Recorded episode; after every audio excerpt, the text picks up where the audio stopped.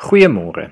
Ek lees vanoggend vir ons Johannes 17 vanaf vers 13 tot en met 17 voor. Maar nou kom ek na u.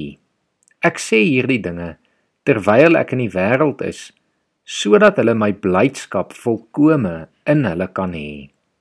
Ek het aan hulle u woorde gegee, maar die wêreld het hulle gehaat omdat hulle nie van die wêreld is nie, net soos ek nie van die wêreld is nie. Ek bid nie dat U hulle uit die wêreld moet wegneem nie, maar dat U hulle van die bose bewaar. Hulle is nie van die wêreld nie, net soos ek nie van die wêreld is nie. Heilig hulle deur die waarheid. U woorde is die waarheid. Jesus het vir ons lewe in oorvloed kom bring en so ook vir sy disippels gesê in Johannes 10 vers 10. Hy het egter nooit gesê dat dit maklik gaan wees om hom te volg as sy disippels nie.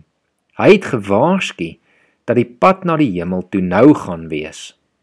In vandag se teks sien ons dat die wêreld die kinders van God haat omdat ons anders as die wêreld is. Hier beteken wêreld die deel van die aarde van die mensdom wat nie deel van God se koninkryk is nie en nie die Here se koningskap aanvaar nie. Die kerkgeskiedenis bewys dat hierdie woorde waar is deur die eeue heen. Daar was al uiterste vervolging van Christene vandat Jesus opgestaan het uit die dood. Die kinders van God is anders omdat ons deur die woorde van Jesus geheilig is om in die waarheid te lewe. Ons behoort aan die Here. Ons word nuut gemaak deur die Heilige Gees. Ons beginsels en waardes het verander vandat ons onder die Here se nuwe bestuur staan. Ons leef egter in 'n donker wêreld wat ons haat. Tog word ons hier gelaat as ligdraers om God se alternatief vir die wêreld se gebrokenheid te wys. Ons het 'n roeping en 'n taak om hier te verrig. Daarom word ons nie dadelik hemel toe geneem as ons tot geloof kom nie.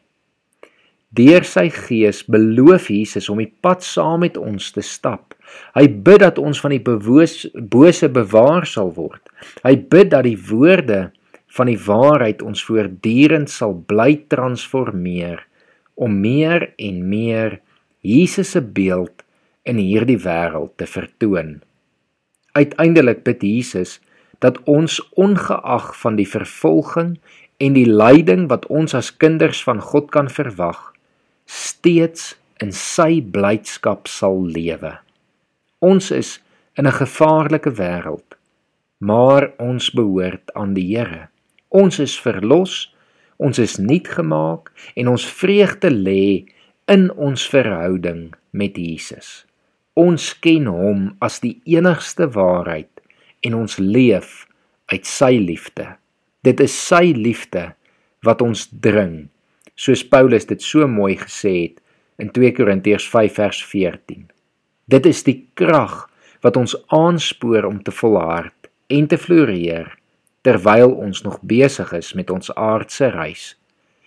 Elkeen van ons het diep hartsbegeertes om gelukkig in die lewe te wees en die ware blydskap van Jesus in my lewe lê juis in die wete dat hy my en jou verlos het om sy kind te kan wees.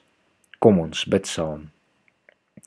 Here, dankie dat U ons U kinders gemaak het, dat U ons vul met blydskap en vreugde deur die Gees, dat ons van blydskap kan juig omdat ons uit 'n verhouding met U kan leef. Here, gee dan vandag vir ons ook die krag om in tye van swaar kry te volhard wanneer die wêreld ons nie wil erken nie en ons haat om dan met liefde en u lig in hierdie wêreld om op te tree.